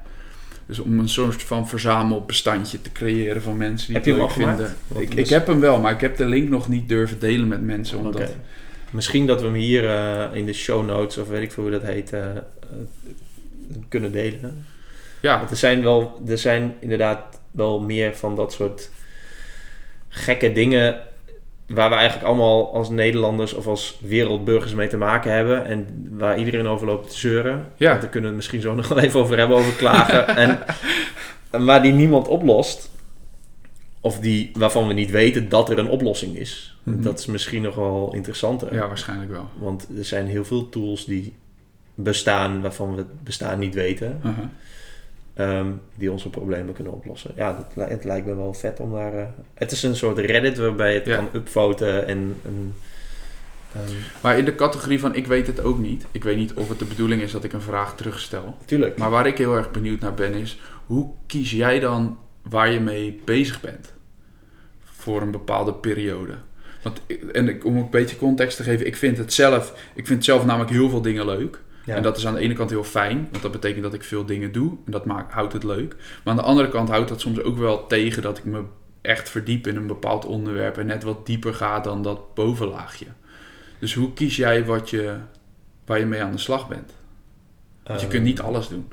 Nee, dat is waar. Ik denk niet dat ik er daar een antwoord op heb. Nee, ik denk ja, wat goed voelt. Dus dat, dat, eh, dat puzzelen en zoeken naar informatie en erachter komen.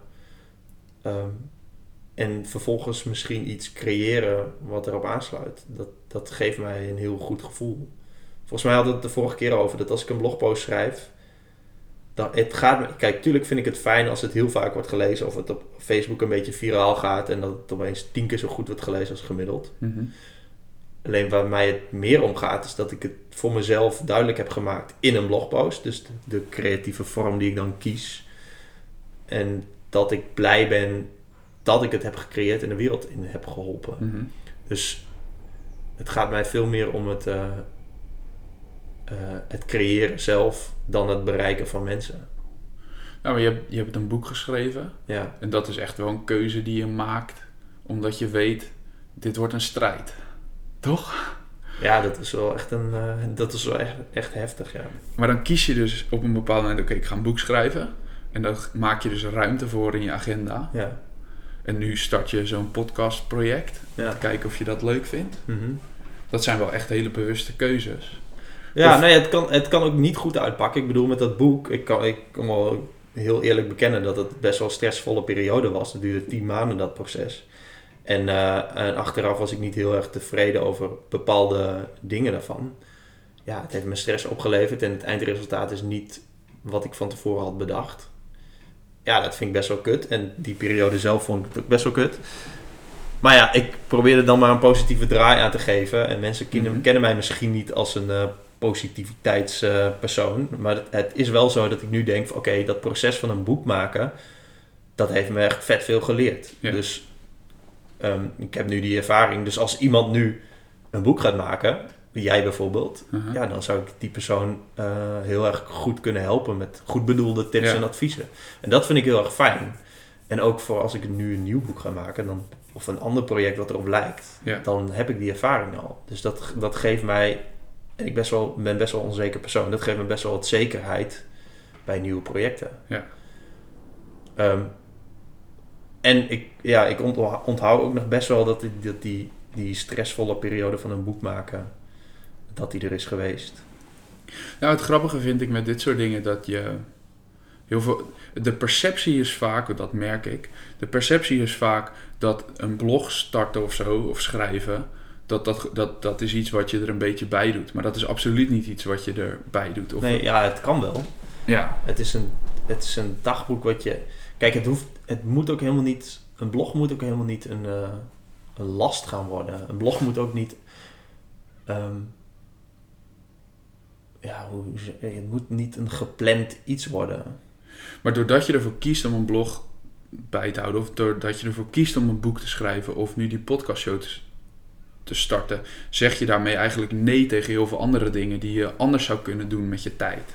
Ja, dat is wel waar. ja. En er gaat gewoon een hoop energie in zitten. Ja, En dat vind ik wel een interessante van hoe, hoe maak jij dan de keuze om te zeggen van oké, maar ik kies de komende tien maanden ervoor om de meeste van mijn tijd en energie te stoppen in het maken van een boek. Heb je dan nog een soort van testperiode van tevoren dat je zegt van oké, ik ga dat eens een maand doen, zien of ik het leuk vind en dan kies Nee, ik ervoor. nee. of gaat dat veel, Nee, of dat- overdenk ik nu dingen? Dat kan ook hè, dat is een beetje mijn valkuil. Nee, ik denk dat het wel goed is dat je het zegt. Want ik heb dat toen helemaal niet gedaan. En misschien is het daarom dat het ook best wel stroef ging in het begin. Kijk, ik ben nu wel veel beter geworden in het plannen van mijn tijd en de projecten die ik doe. Want de- die vraag die je ervoor stelde, vind ik veel interessanter eigenlijk. Dat, is, dat was de vraag van, oké, maar nu je dit gaat doen, wat ga je dan niet doen? Uh-huh. En daar dacht ik dus ehm, helemaal nooit over na. Waardoor ik dus heel vaak in de stress kwam met allemaal dingen die ik mezelf oplegde. Want ik ben ook natuurlijk ZZP'er. eh die 20 uur, of die 168 min die 20 uur die ik in, eh, in loondienst werk. En dan had ik het opeens vet druk met allemaal dingen die ik zelf had ingepland. Maar nu ehm, plan ik het veel beter voor mezelf in. Oké. Dus dan, ja, in dit geval is het dat ik iedere week een keuze maak voor de komende week wat ik ga doen. Ja, dat geeft wel heel erg veel rust. Ja. Dus als ik, als ik bijvoorbeeld nu dat boek zou gaan schrijven, zou ik dat. Ik denk dat het proces dan veel beter gaat. En dan waarschijnlijk is het resultaat Ja. en mijn gevoel daarover veel beter geweest. Ja, ik zat laatst, ik hoorde het verhaaltje van Derek Sivers vertelt dat in de podcast van Timothy Ferris, geloof ik. En het staat ook wel in dat nieuwe boek van hem. Ehm, over, het, over een ezel die aan een touw staat. En aan de ene kant staat een bak water en aan de andere kant staat een bak hooi. Mhm. En die ezel die kan niet bedenken of die eerst gaat drinken of dat hij eerst gaat eten. En doordat hij niet kan kiezen welke kant hij eerst op gaat, ehm, blijft hij in het midden staan en gaat hij uiteindelijk dood. Mhm. Omdat hij geen eten en geen drinken heeft. Ja. Terwijl hij eerst gewoon wat water had kunnen gaan drinken en dan daarna naar de andere kant had Ja. kunnen lopen om hooi te eten. En dat van, er zijn zoveel dingen om te doen, maar welke kies je en waar stop je een bepaalde periode tijd en energie in? Dat is altijd nog wel een dingetje wat ik lastig vind. Ja, maar ik denk dat het ook. ehm, ja, dat heeft ook wel met toeval te maken. Dat je net even iemand spreekt of iets ziet of een idee krijgt of een blog leest of video of weet ik veel, iets tegen het lijf loopt. Ehm, kijk, dat podcast is voor mij, ja, toevallig was ik. Ik weet het, ik, ik volg al best lang podcast. Ik heb het heel lang niet geluisterd en de laatste tijd opeens weer wel. Volgens mij zei een vriend tegen me van, yo dude, ik Mhm. ben de hele podcast weer aan het luisteren. Toen dacht ik, oh ja, tering, dat was eigenlijk best wel gaaf. En ja, zo, zo gaat dat. Dus het is ook wel... Ja, Ik geloof niet echt in toeval, maar het heeft wel... Ja, het heeft wel die eh, Ja. oorsprong. nou was ik benieuwd naar hoe jij daarmee omgaat. Ja, het gaat ook, het gaat ook om met wie je omgaat. En, met, Ja. Ehm, en natuurlijk ga je ook wel kiezen waar je interesses liggen. En ik denk dat we het allebei wel hebben dat je niet... En ik denk dat iedereen dat in zich heeft hoor. Dat, dat je niet stil wil zitten. Volgens mij wil niemand ehm, de hele dag op de bank liggen. Want iedereen heeft wel een passie Ja. om iets te doen. En eh, ook al is het iets in, in de ogen van andere mensen iets vet stoms. Iedereen heeft, wil graag iets doen. Ja, dat is een ander ding. Toen ik, om het cirkeltje rond te maken, misschien toen ik voor de overheid werkte. Ik werkte dus 36 uur in de week. Dan ben je 1 FTE. En ehm, doordat ik Bij de dus- overheid wel, ja. Ja. Bij één FT. Dus doordat ik mijn e-mail en zo eh, eruit had gewerkt en met mensen goede afspraken had gemaakt, deed ik mijn fulltime baan in 10 uur in de week. Eh, waar ik het eerst in 36 of in 40 uur deed of zo. Mhm. Ehm, en dus onwijs veel ruimte had om allerlei andere projecten op te pakken. Maar in het begin deed ik dus gewoon in 10 uur in de week deed ik wat ik deed. Ehm, en had ik de rest van die week had ik vrij. En ik had ook zo geregeld dat ik niet per se op kantoor hoefde te zijn. Dus niemand zag ook waar ik was. Mhm. Dus ik kon heel veel andere dingen doen. Maar die eerste paar weken, dat weet ik nog echt heel goed, dat ik niks had te doen voor werk, verveelde ik me echt de tandjes. verveelde me echt kapot. Dus als je niet iets, je kunt wel allemaal dat soort dingen heel effectief doen en tijd overhouden. Ja. Maar aan de andere kant zijn we elkaar ook, moeten we elkaar ook altijd maar een beetje bezighouden. Ja. Want dat vervelen, dat is ook, eh, dat is ook niks. Ja, nee, dat, dat is ook wel zo. Maar ik, ja, ik weet niet, ik geloof niet echt in het feit dat we ons ooit nog kunnen vervelen in deze wereld met al die prikkels en mogelijkheden. Ik bedoel, wat je allemaal online kunt vinden, dat alles is gratis. Dus je kunt alles, alles leren wat je wil, Ja, alles doen wat je wil. Je kunt, en dat is ook nog wel een interesse van me, je kunt overal naartoe vliegen als je dat wil. ja. En het hoeft ook niet zoveel te kosten. Dus ja, ik... ehm, Heb je nog wat op de planning staan? Ehm, ja, niet zo heel veel. Ik ga nog naar. ehm, ik ga naar Antwerpen zaterdag. Voor een vrijgezellenfeest. Maar ik hoorde net dat jij er ook was. Ja, klopt. Wat een toeval. Nee, maar eh, ja, ik ga nog wel naar Spanje en naar de US en nog naar Tokio, maar dat duurt allemaal zo lang nog. Dus ja. Ja, Ik jouw referentiekader ligt ook net iets anders, denk ik. Nee, dan, ja, eh, dat is ook dan wel- de gemiddelde luisteraar Ja. misschien. Dat klopt. Ik heb nog één vraag. Yes. Of nog één onderwerp eigenlijk. Er Ja. zullen wel meer vragen zijn. Je was laatst in het nieuws. Nou ja, ik weet niet of het nog... Of net vijf... Nee, wat was het ook weer? editie NL. Editie NL of het nieuws is. Maar er was een niet klagen challenge. Een, ho- Ja. Hoeveel dagen niet klagen challenge? 21. 21 dagen niet klagen challenge. En dat was toevallig dat je daar... Toevallig kwam je in het nieuws. Toch? Ehm, Hoe, hoe werkte dat? het, werkte, het? het? werkte zo dat ik dat... ehm, die challenge heb ik ooit een keer gezien op de blog van Tim Ferriss. Echt heel lang geleden. En ik merkte om me heen op een gegeven moment dat iedereen maar overal over aan het klagen was. En ik ging klagen over dat andere mensen aan het klagen waren. En toen dacht ik, oké, nou is het genoeg. Ik doe gewoon eens een keer zo'n bandje om mijn pols, want dat is, de, dat is de, de- het ding. Dus je doet een bandje om je pols. Dan mag je 21 dagen niet klagen, niet schelden en niet roddelen. Niet negatief praten over iemand die er niet is. En dat moet je in 21 dagen achter elkaar volhouden. En op het moment dat je op dag 7 bijvoorbeeld wel klaagt, dan moet je je bandje om je andere pols doen en dan begin je weer op dag 0. Ja. Dus het is best wel een ding om dat dan 21 dagen vol te houden. En toen dacht ik, nou weet je wat, als iedereen klaagt, dan stop ik daarmee. Ga ik eens kijken wat dat met me doet. En dat heb ik dan gedaan. Ik heb er uiteindelijk drie maanden over gedaan om het te halen. Ehm, eerste keer redde ik 11 dagen. Toen was ik in Kaapstad. Ehm, dus dat ging allemaal van een leien dakje. Totdat ik eh, ging trailrunnen met een dame. Wat bleek dat ik op een gegeven moment 24 kilometer moest hardlopen of zo over de Tafelberg. Dus daar was ik helemaal klaar mee.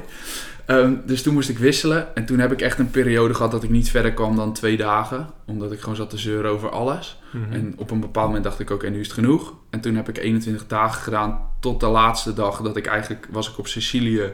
Dat ik eigenlijk niks durfde te zeggen, omdat ik bang was dat ik weer terug naar dag 0 zou moeten. Ehm, maar toen heb ik het gehad en daar heb ik toen een blogje over geschreven. En ja, dat blogje dat is ehm, op een gegeven moment gedeeld door een aantal mensen, omdat ze dat een leuk idee vonden. En zo kwam dat op de redactie van Editie NL. Ehm, ja, en die wilde daar toen een item over maken. Dus het was niet zo dat je daar toen mee bezig was. Nee, het was al eh, vijf maanden eerder of zo. Oké, en hoe definieer je klagen? Want ik denk, ik zeg over mezelf dat ik best wel van klagen hou. Ja. Maar wel met in mijn achterhoofd, ik denk wel meestal een oplossing voor hetgeen waarover ik klaag. Ja, nou ja, daar zit wel de crux. Dus juist het opmerken van dingen die niet zo handig zijn, ik, is denk ik heel goed. En om dat te benoemen ook. Ja. Ehm, alleen gaat het er dan vervolgens om wat je ermee doet. Mhm. Ehm, en juist dat oplossingsgericht denken, dat is wel wat het, wat het mij gebracht heeft. Nog meer. Ehm, als er een flesje op tafel staat en je irriteert je aan dat flesje, ga dan daar niet over klagen. Wandel er naartoe, pak het op en zet het weg. Mhm. Dat je dat, dat, dat soort op een micro, op een micro level. Ja. Ehm, en hetzelfde met, ja, als het regent, dan heeft echt, je hebt er echt compleet niks aan om te zeuren dat het regent. Hoewel het prima is om dat misschien te benoemen, maar dan gaat iedereen, kom je in zo'n cirkeltje, dan gaat Ja. iedereen daarover zitten zeiken. Ehm, ja, weet je, trek gewoon een ik jas begon, aan. ik of- begon of mijn podcast hiermee. Met buiten is het 7 graden. Ja, maar dat eh, had je nog geen waardeoordeel aangehangen. toch? Nee, maar ik vind het wel goed. Ja, maar ja, stap dan in een vliegtuig. Ja, ja, Ik, ja. ik heb in mijn laatste nieuwsbrief zelfs gezegd toen ik in Kaapstad was van voor iedereen die zit te klagen en zegt dat ik geen foto's meer mag sturen van dat ik in zonnig Kaapstad ben, kijk even op Jelmer's blog. Dan weet je hoe je goedkope tickets kunt boeken en er zelf naartoe kan. Ja. Nou, maar dat is, dat is klagen. Dus klagen is feedback geven op een situatie zonder de intentie te hebben da- dat op te lossen. ja. Dat is de, de- wat ik ooit eens een keer heb gehoord van een, eh, van een topsportpsycholoog, Rico Schuijers. En dat, die is blijven hangen. Mhm. Dat vond ik wel een hele mooie. Ja, nee, over topsporters is er nog zo'n mooie quote dat, dat amateurs blame, dus die geven de schuld, dus die klagen. Mhm. En Olympians, ik weet niet of ik het goed zeg, take responsibility. Ja, Dus die checken van, oké, maar hoe kan ik dan het zelf oplossen? Ja. En ik denk dat dat het grote verschil is. Dus Ja. mensen die, die echt het Olympisch goud halen, ja, die lopen niet, ja. die lopen niet te, te, zeiken om hun omgeving. Die denken, oké, maar hoe kan ik dan mezelf verbeteren? Nee, eh, de- absoluut. En ik keek van het weekend keek ik de documentaire over de laatste CrossFit Games. Ik zal er niet verder te veel over uitwijken. Ehm, maar wat het grappige vond van al die topatleten die daar waren, die moeten echt de meest bizarre workouts doen en dan drie op een dag. En het is heet en alles doet zeer. Maar je hoort niemand daarover klagen. Ze zeggen allemaal, ik vind het tof. ehm, ik moet gewoon zorgen dat ik eh, mijn eten binnenkrijg en dat ik op tijd op mijn bed lig vanavond, zodat ik morgen weer kan presteren. Ja. Dus ze zijn allemaal bezig met hoe kan ik ervoor zorgen dat ik dit gewoon zo goed mogelijk doorkom, in plaats van de focus te leggen op het negatieve.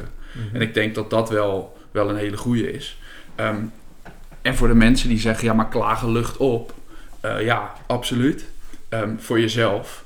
maar niet voor de mensen om je heen. Dat kost bakken met energie. Ja. Ehm, en dat, dat is gewoon een beetje een dingetje van, dat zit er wel achter voor mij ook. Ik ben best wel bewust bezig altijd met welke mensen ik om me heen verzamel.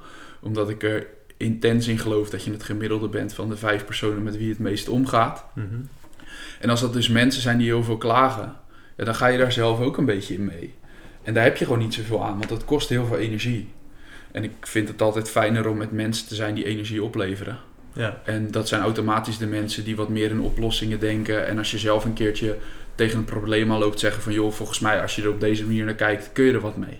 Ja, of je moet vragen van, joh, als iemand klaagt. hey, ik ben benieuwd, ik, ik moet eventjes... Ik wil dus weten of ik zelf ook veel klaag. Of dat ik mijn oplossings, oplossingen uitspreek. Maar daar ga ik nog wel even achter komen. Maar je, Je kunt, kunt- dus... Je je kunt, doe, doe een bandje om. ja, Voor drie, voor drie, al doe je het maar drie dagen. ja. Dat meen ik serieus. Binnen drie dagen heb je door eh, hoeveel je klaagt of dat je daadwerkelijk bezig bent. En ik denk dat je nog over gaat verbazen. Zeker iedereen, die, eh, juist alle mensen die zeggen, ja maar ik klaag nooit of ik ben heel Ja, ik positief. denk wel dat ik, denk wel dat ik klaag. Dus ik, ja, ik, weet, ik weet de oplossing van als ik iemand anders hoor klagen en dan vraag van, joh, maar hoe zou je het dan oplossen? Ja, Ehm, en dat weer inderdaad is een goed voorbeeld. Ja. Daar kun je echt helemaal niks aan doen. Ja, en Nee. het is echt heel erg kut dat het heel vaak regent in Nederland en dat het op 25 april nog steeds 7 graden is buiten. Ja. Ja, maar ja, dat zijn dezelfde Nederlanders die met elkaar in een vliegtuig naar Griekenland zitten. En na tien dagen in de zon gelegen te hebben zeggen van, oh ik zou het toch wel weer fijn vinden als er weer seizoenen terug zijn. ja precies. Ja. Dus het is ook een beetje, het gras is altijd groener. ja, precies. Dus we houden elkaar wel een beetje bezig natuurlijk. Ja, maar goed, 21 dagen niet klagen. En ehm, ja, blijkbaar vonden mensen dat, eh, dat wel leuk. Ze krijgen nu nog steeds eh, elke dag berichtjes van mensen die zeggen dat ze hun bandje moeten wisselen. En eh, waar ze zo'n bandje kunnen kopen. Maar het kan ieder bandje zijn. het kan ja, ja dat, dat is dus letterlijk. Als jij me dan een bandje opstuurt, dan begin ik dan. Dan ja. denk ik, huh, je kunt gewoon nu willekeurig iets omdoen en gewoon starten. dat is een heel interessant gegeven. Dat mensen dan... Kennelijk zit er iets in onze maatschappij van mensen hun hoofd... Dat, dat je dan direct een bandje moet kopen Ja. van die persoon die Ja. dat dan doet. Terwijl het gaat niet om het bandje. Nee, nee, het hele verhaal. En sterker nog, mensen zeggen tegen mij, je moet nu die bandjes gaan verkopen. Oh ja, ja, ja, Maar dat ik- snap ik ook wel. Maar ik heb helemaal nooit een carrière als rubberen polsbandjesverkoper geambieerd. Dus Nee. dat ga ik niet doen. Nee, maar dat, dat, ja, dat is dus precies... Ik denk dat dat het mooi samenvat. Ehm, deze podcast is dat het niet gaat om, die, eh, om de tools of om de middelen, maar eigenlijk de, het idee erachter. Ja, Toch? ja, het gaat om start. Dus maak iets klein. Zorg dat je gewoon aan de gang kunt. En pas het gaandeweg aan. Ja. Ehm, eh, ja, de- om duidelijk, toen dat ik op reis ging en bij al die bedrijven ging werken in het buitenland. Het moment dat ik in het vliegtuig stapte met een enkeltje naar Hanoi. Nou, daar was ik nog nooit geweest. En mensen zeggen, ja, maar hoe ga je dan die bedrijven vinden? Ja, weet ik veel. Ik ga het allemaal wel zien. Ja. En, en dat is wel een beetje het hele ding. Ehm, mijn punt ook met de meeste dingen die ik doe. Van, het is goed om van tevoren na te denken hoe je iets gaat aanpakken en wat de eerste stap is. Maar zet vervolgens die eerste stap zonder dat je al te veel verwachting hebt en het al helemaal hebt uitgerold voor de komende drie maanden. Want daarmee ram je ook alle spontaniteit en creativiteit eruit. ja. En kun je dus niet meer omgaan met wat er gebeurt. En dat is juist altijd wat het zo tof maakt. Nou, dat is dus precies hoe deze podcast eh, tot stand is gekomen. Ja, Ja, ik kijk wel even wat er gebeurt. Ja, precies. Ja, nee, maar, en dat is helder. En ook en dat is dat hele plannen schrijven en zo. Nou, ten- dat in de tijd van de overheid, maar iedereen die niet voor de overheid werkt, ehm, die denkt dat alleen bij de overheid plannen worden geschreven. Dat, dat is dus niet waar. Want ik werk nu voor heel veel bedrijven en als we dan een experimentje gaan doen, dan moeten er ook allemaal plannen gemaakt worden. Ja. Maar je weet gewoon van tevoren niet hoe iets gaat. Nee. Dus het schrijven van een plan is een soort van schijnzekerheid. Ehm, en daarom zeg ik ook, dat als we een plan gaan schrijven, dat is prima, maar laten we dat dan achteraf doen. Want Ja. dan weet je precies wat er is gebeurd en dan kan je het ook korter houden. Ja, dat is een goeie. Oké, ik denk dat we er wel zijn. Heb je nog iets wat je kwijt wil of wil vragen of eh, aan de luisteraars of iets mee wil geven of jezelf promoten? Heb je nog bandjes, een bandjes webshop die eh Nee, dat heb ik dus juist niet. 21 dagen niet klagen En we challenge hadden- bandjes.nl En we hadden het kort voor de podcast even over ehm, jezelf op internet profileren en zo. Mhm. En ik vind dat altijd een beetje narcistisch. Dus ik voel me daar niet zo prettig bij. Dus ik doe dat, doe dat ook niet echt. Nee. Ehm, en ik schrijf meer gewoon de stukjes. En op het moment dat ik een goed stukje schrijf. En de juiste mensen lezen dat en die vinden dat dan interessant. En het voegt dat voor ze toe. Dan delen zij dat wel weer voor me. Ja. En dat is eigenlijk altijd hoe ik het eh, doe. Dus nu ook, ja, nee, ik hoef niet echt iets te noemen of zo. Als je, de mensen die me willen vinden, die kunnen me denk ik wel vinden online. Ik heb Ja. het geluk dat er niet heel veel andere Kevin Weijersen zijn die, eh, ja, die actief zijn. Dus eh, ik, ben, ik ben geen Seth Godin, dat als je Seth intypt Oh, bij ja. Google, dat zijn blog naar voren komt. Maar ik geloof dat je me wel kunt vinden. Dus, en als ik ooit ergens mee kan helpen, dan mag iedereen me dat natuurlijk vragen. En je, oh, je kunt dan je probleem zetten op, de, op het Google Doc Oh, ja, ja, lijstje. ja. ja, dus als er mensen zijn en een, een problemen, ja, misschien dat we dat nog even kunnen toelichten. Dus een van die problemen is dus bijvoorbeeld dat je bij de KVK niet Ja. online Ja, je adres kunt wijzigen. ja. ja, jij zei tegen mij van het wassen, strijken. Ja, maar een van de grootste problemen die ik, wat ik dus niet snap, is dat eigenlijk alles automatiseren we of maken we ons, ons veel gemakkelijker. Dus vooral bijvoorbeeld etenbereiding. Ja, tot aan ehm, je huis verwarmen, wat vroeger met een houtkachel moest en nu gewoon centrale verwarming, vloerverwarming, et cetera. Je hoeft er niet over na te denken, je doet het met je, met je telefoon. Het enige wat nog vet veel tijd kost voor iedereen is het wassen, Ja, droge strijken van je kleding en, het, en de planning ervan. Ja, ik weet niet precies. Ik weet dat er services zijn die je was komen ophalen en weer komen brengen, gewassen en gestreken. Misschien is dat wel al de oplossing, maar dat is nog niet echt maar wijd. in ieder geval niet zelf naar een iets toe brengen. Nee, ben je, daar weer, niet. ben je Ja. daar weer heel druk mee. Nee, ik vind het dus raar dat iedereen zo'n ding in hun huis heeft staan. Wat, ja, ik weet niet. Ja. Op de een of andere manier vind ik dat... Ik, misschien moet ik het nog eventjes uitwerken. Nee, zo, dat- Misschien moeten we zo, maar dit is ook vaak wel hoe iets ontstaat. Hè? Dus we, zetten zo, we kunnen het best wel online zetten. Ja. En dan zien we wel of mensen er wat op zetten. En ik heb zelf genoeg. Ja. Ehm, en dan kunnen we vanzelf wel, want er was laatst iemand, dat deelde ik een beetje, zei die, ga je dan categorieën maken? Dacht ik, nee, ik moet eerst problemen hebben voor op de lijst. Kijk wel En dan gaan we daarna wel kijken of we de categorieën maken. Nee, ik denk dat het een goed, een goed begin is. En, maar wat ik denk dat er gaat gebeuren is dat, dat, ehm, dat... En wat ik hoop is dat mensen elkaar tips gaan geven. Yo, dit bestaat al, check eens dit. Ja, Of ehm, ja, vraag eens aan dit bedrijf of aan hem of aan haar. Ja. Of moet je het niet zo benaderen? nee, of waarom doe je dit eigenlijk? Kun je niet beter zus? Link in de show notes. Ja, is goed. Ga ik doen. Oké. Ehm, dat was het. ja, mensen bedankt voor het luisteren. Dit was aflevering 2 met eh, Kevin Wijers vanuit Leiden. Vond je dit nou een leuke podcast? Laat het dan even weten. Ja, via Twitter of weet ik veel, e-mail. Kijk maar even. maar gaan we niet bellen. Oké, doei.